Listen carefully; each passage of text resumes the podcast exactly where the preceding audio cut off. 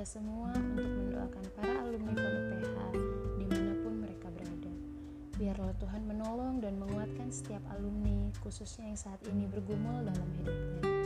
Biarlah Tuhan menolong setiap alumni dan kita semua untuk dapat senantiasa melakukan tugas dan tanggung jawab dalam sukacita Allah. Nats kita hari ini terambil dari 1 Petrus 2 ayat 18 sampai 25. Penderitaan Kristus sebagai teladan. Hai kamu hamba-hamba, tunduklah dengan penuh ketakutan kepada Tuhanmu. Bukan saja kepada yang baik dan peramah, tetapi juga kepada yang bengis. Sebab adalah kasih karunia jika seorang karena sadar akan kehendak Allah menanggung penderitaan yang tidak harus ia tanggung Sebab dapatkah disebut pujian jika kamu menderita pukulan karena kamu berbuat dosa? Tetapi jika kamu berbuat baik dan karena itu kamu harus menderita, maka itu adalah kasih karunia pada Allah. Sebab untuk itulah kamu dipanggil, karena Kristus pun telah menderita untuk kamu dan telah meninggalkan teladan bagimu, supaya kamu mengikuti jejaknya. Ia tidak berbuat dosa dan tipu tidak ada dalam mulutnya Ketika ia dicaci maki, ia tidak membalas dengan caci maki. Ketika ia menderita, ia tidak mengancam, tetapi ia menyerahkannya kepada Dia yang menghakimi dengan adil. Ia sendiri telah memikul dosa kita di dalam tubuhnya di kayu salib, supaya kita yang telah mati terhadap dosa hidup untuk kebenaran. Oleh bilur-bilurnya kamu telah sembuh. Sebab dahulu kamu sesat seperti domba, tetapi sekarang kamu telah kembali kepada gembala dan pemelihara jiwamu.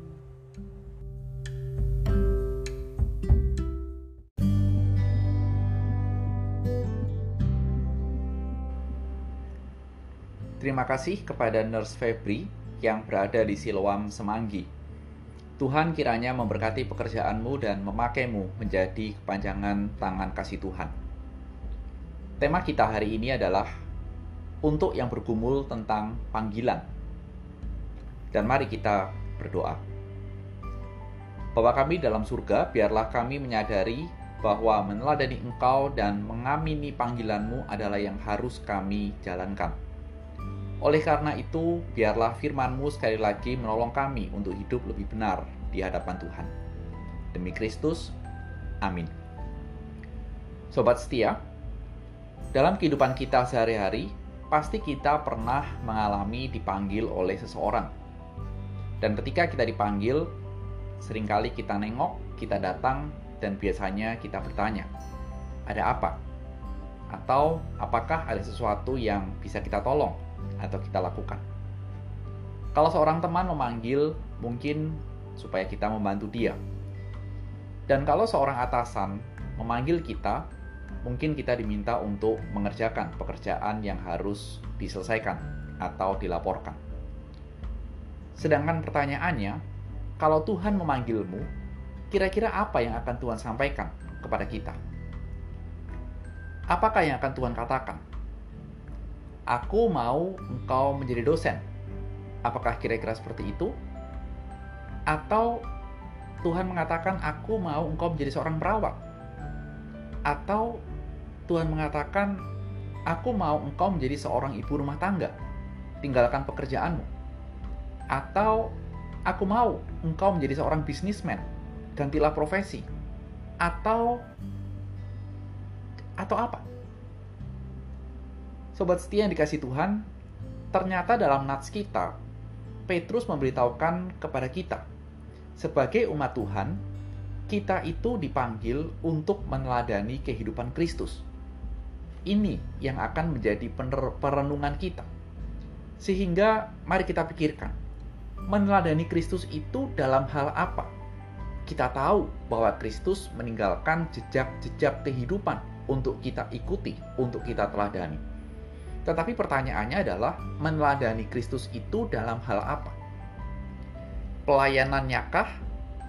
Cara berinteraksinya dengan orang banyak? Atau apa? Ternyata dalam bagian ini, Petrus menegaskan kita diminta untuk meneladani Kristus dalam aspek kehidupan secara utuh, dan khususnya pada saat Kristus menderita. Rasul Petrus menerangkan bahwa ketika Kristus menderita, dia tidak berdosa.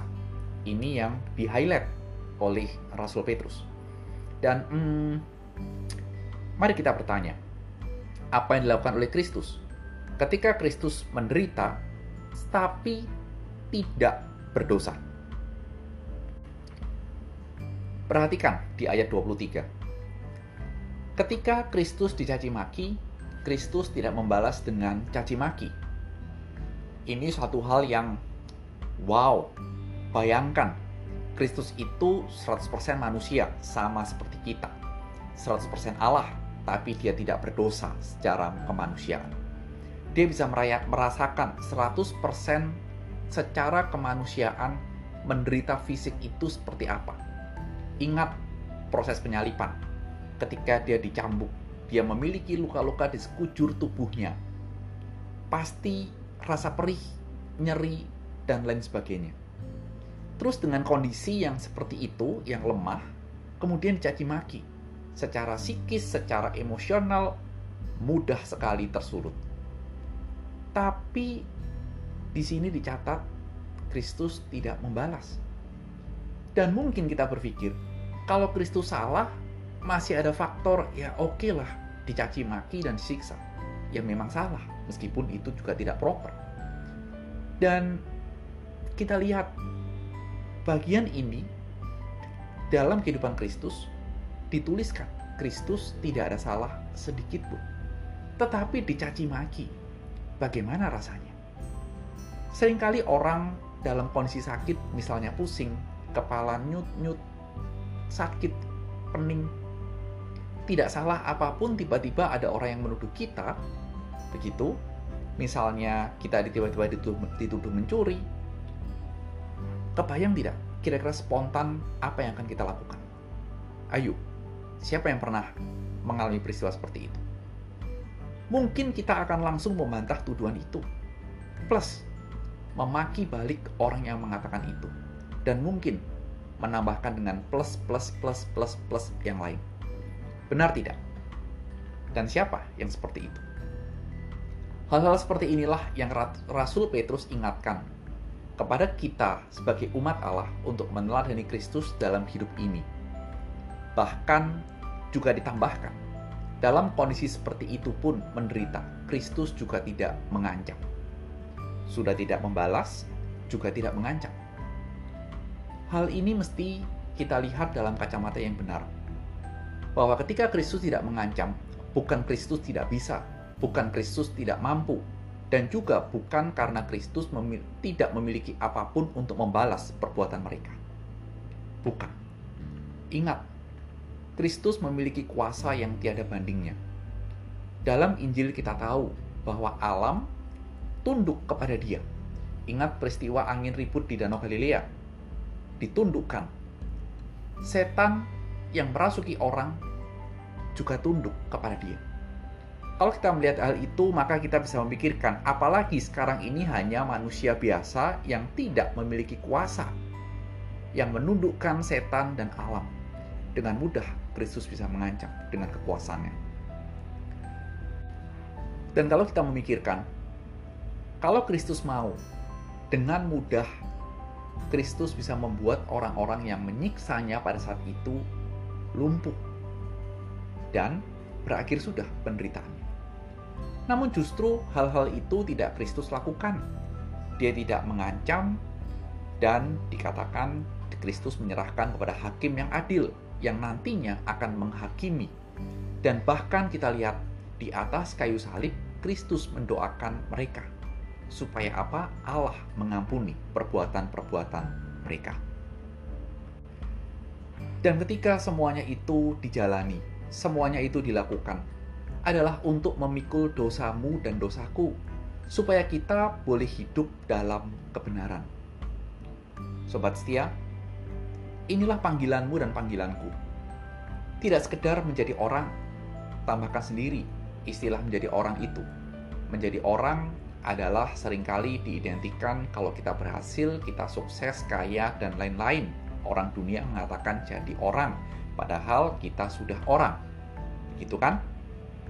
Tapi panggilan kita tidak semata-mata menjadi orang, tapi kita dipanggil untuk hidup dalam kebenaran. Itulah panggilan yang disuarakan oleh nats kita. Dan hidup meneladani Kristus meskipun harus mengalami penderitaan. Sobat setia, inilah perenungan kita. Dan biarlah ini boleh mengingatkan kita, menolong kita untuk menjalani hidup day by day. Selamat hari Selasa dan selamat hidup meneladani Kristus. Tuhan memberkati.